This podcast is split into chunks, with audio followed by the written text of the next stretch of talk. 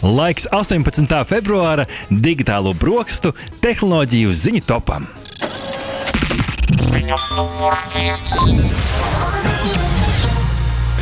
Tehnoloģija uzņēmums Sony debitējis tā jaunākās austiņas, Linkbuds. Šo austiņu unikālais piedāvājums ir to divdaļīgā forma. No vienas puses mazs olītis, kuram blakus ir piestiprināts tāds gradzenveidīgs um, veidojums. Nezinu, kā to pat Rihards nosaukt. Tāds divdaļīgs austiņas, kaut ko tādu iepriekš es patiešām neesmu redzējis. Kāpēc uh, gradzenveidīgs uh, uh, austiņu izpildījums? Jo šīs austiņas tiecās apkārtējās vidas skaņas patiešām nodot šim cilvēkam, kurš austiņas izmanto, nevis tās apslāpēt. Sonītā to dēvē par never off, jeb nekad neatslēdzies pieredzi, lai, piemēram, baudot mūziku un stāvot uz ielas, tu dzirdi arī, kas apkārt tev notiek. Šeit vēl viens pārsteigums, Rihard, no šīs austiņu prezentācijas ir tas, ka austiņas var kontrolēt, pieskaroties nevis pašām austiņām, bet blakus, nu, tur starp ausi un deniņiem. Divi viegli pieskārieni, lai austiņas kontrolētu, un tad ir tikai jāuzstāda, kur no funkcijām tu gribi ar diviem pieskārieniem tieši uh, kontrolēt. Austiņām, protams, ir arī šis Sony speak to chat funkcija, kas pieklusina skanējumu sākot sarunas. Mikrofons, es teiktu, ka tādā nu, normāla austiņa līmenī. Protams, šīm austiņām nav skaņu slāpējuši efekti, jo tās tieši otrādi skaņas mēģina apkārtējās vidas iegūt. Un austiņas arī glabājas kastītē, kas, protams, kalpo kā bat papildus baterija, kas, protams, nav pārsteigums, jau ir tāds nozares standarts. Jā, nu jāsaka tā, ka patīkami tiešām spēt atcerēties un izrunāt produktu nosaukumu. Jo parasti Sonija patiesi izceļas ar nosaukumiem, kur ir skaitļu un ciparu un burbuļu kombinācijas, kuras nu, biežām grūti atcerēties. Grūtāk pat nekā mūsu parauga. Bet um, interesanti, ka uh, kā ir ar šādām austiņām atrasties uh, vidē, kur ir pastiprināts troksnis. Piemēram, uh, piemēram, autobusu pieturā vai kādā tādā nedaudz aizņemtākā ielā vai kafejnīcā. Tā kā to droši vien būtu jānotestē. Ja atceramies aizvadīto digitālo brokastu sēriju, tad ārsts Marks Ronis gan uzsvēra, ka ilgstoši likt ausīs iekšā austiņas nav ieteicams variants. Un interesanti, ko tad ārsts teiktu par šādu risinājumu. Ir viens puses, Rihard, jau tāda ausu ventilācija un skaņa plūsma ir. Tā kā tiešām būtu interesanti paprasīt mums pagājušās nedēļas viesiem. Jā, jā, katrā ziņā jāatgādina, ka lai vai kuras austiņas mēs lietojam, ir jāievēro 60-60 princips. Cenšamies austiņā, austiņas nelietot vairāk kā 60% uh, skaļumā no tās maksimālās kapacitātes un neklausāmies ilgāk par 60 minūtēm. Un, ja klausāmies skaļāk, tad līdz 15 minūtēm, un tad pa vidu ieturam pauzes arī no klausīšanos. Un katrā ziņā pilno ierakstu ar padomiem un arī austiņu tehnoloģiju pārskatu varat baudīt uh, pagājušās nedēļas uh, digitālo brokastu raidījumā.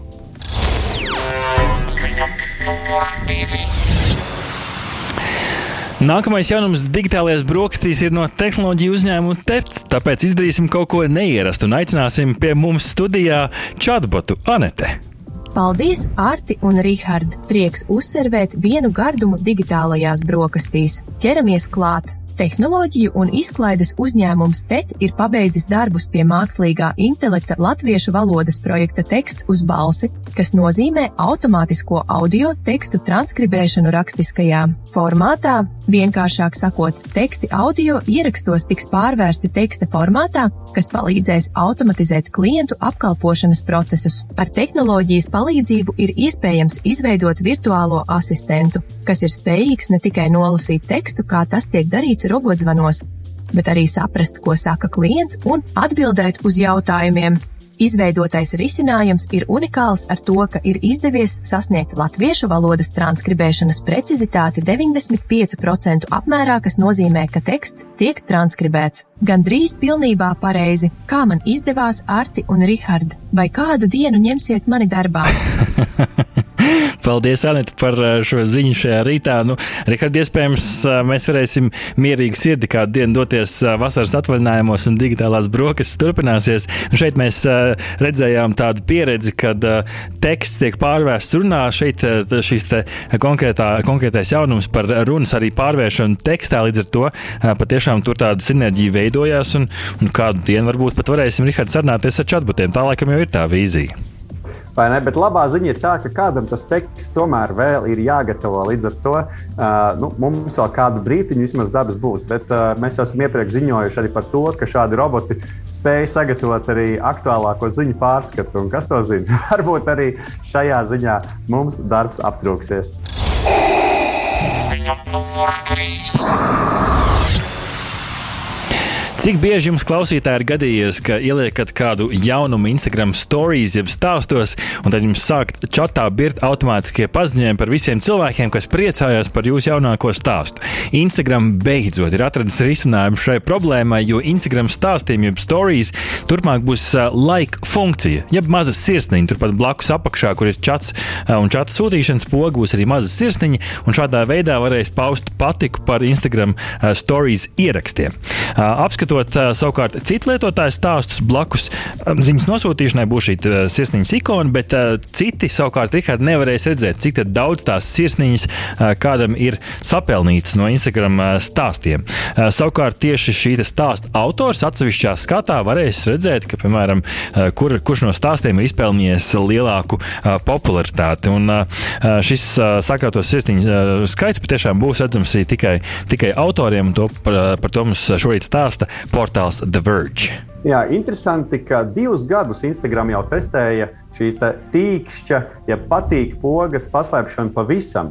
Bet uh, beigās neizslēdz šo funkciju. Acīm redzot, tomēr ir svarīgi, ka sociālais tīkls arī kaut kādā veidā iesaista mūs, um, nu, arī ejot cauri citu cilvēku Bet, uh, šīm te, uh, publicētajām bildēm. Bet tad mums Richard, ir YouTube stāsts. Jā, tieši tā. Uh, YouTube nesen noņēma dislike, jeb nepatīk skaitu, atstājot iespēju vērtēt uh, video negatīvu, bet nerādot publiski, cik daudz mīnusu viņa video, video ir atstāti.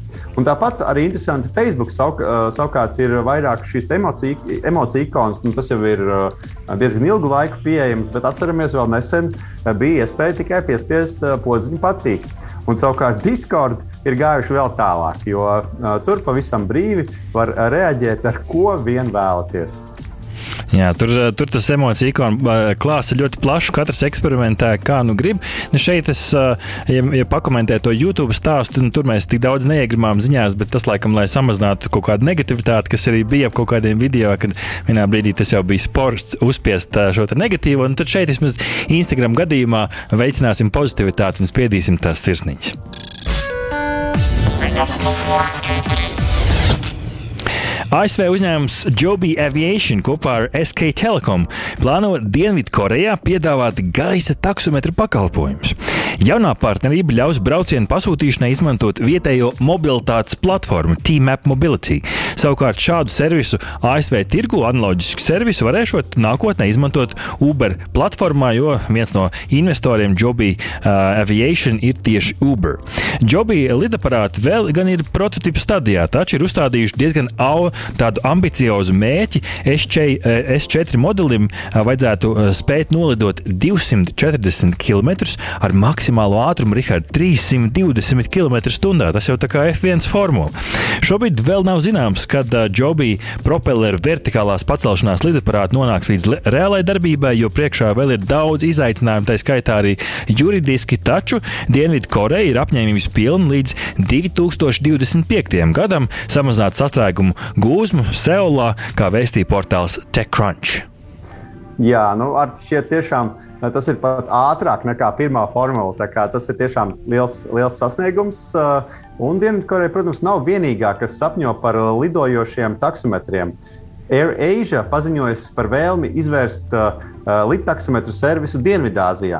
Savukārt stāstījām pagājušo gadu arī par koncepta Volocity taksometru, kas tika izrādīts Romā, Itālijā. Un tāpat arī Vācijā ir bijuši šādi testi. Un Francija, starp citu, vēlas līdz 2024. gada vasaras Olimpiskajām spēlēm nonākt pie šāda unikāla pārvietošanās līdzekļa. Tā kā nu, ne jau tikai uh, Āzijā notiek darbs pie šādas izpētes, bet arī tepat Eiropā.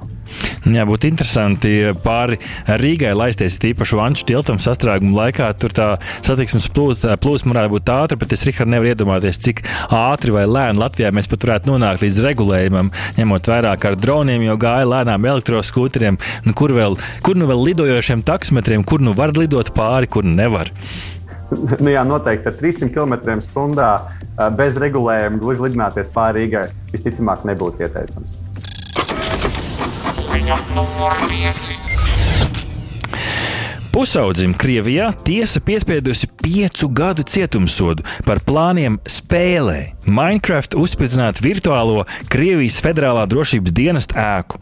16 gadus vecais Nikita Uvarovs kopā ar vēl diviem draugiem Minecraft video spēlē plānoja uzbūvēt virtuālo drošības dienesta ēku un pēc tam ļaut citiem lietotājiem to spridzināt. Militārā tiesa Sibīrijā puisi apsūdzēja par citēju gatavošanos un trenēšanos vēlāka terora aktu pas, pastrādāšanā, citāta beigas, piespriežot piecus gadus kolonijā.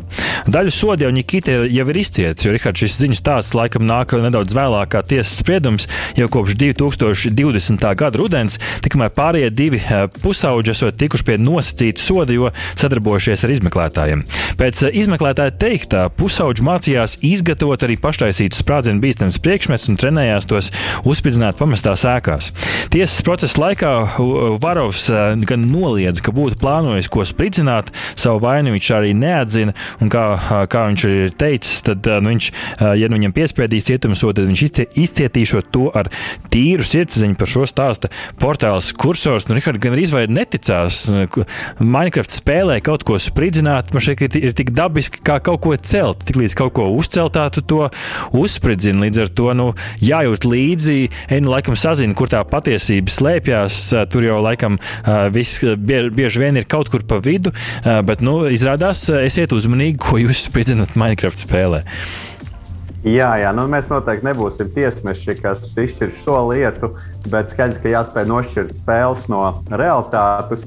Bet spēles dod arī daudz iespēju. Minecraft spēle tiešām ir lieliska smilšu kaste mūsu iztēlē. Spēlē iespējams teju gandrīz viss. Tajā ir izveidots gan Titaniks, gan Šenbrunas pilsēta, pat nāves zvaigznes no zvaigžņu kara filmām un veselas pilsētas, gan reālas gan arī video spēlēs redzēts. Tā kā šī spēle tiešām attīsta mūsu iztēli un daudziem bērniem palīdz apgūt arī uh, dažādus mācību priekšmetus, uh, būvējot uh, interesantus mehānismus un tādā veidā arī daudz iemācīties. Tā kā spēles var būt arī gan interesantas, radošas un pamācošas. Tāds šajā rītā tehnoloģiju ziņu tops. Aha! Paldies, ka noklausījāties mūsu līdz galam! Ja patika, uzspiediet like, atstājiet komentāru vai padalieties ar draugiem. Un nobaudiet arī citas epizodes, kā arī sekot mums, lai nepalaistu garām savu ikdienas tehnoloģiju ziņu devumu.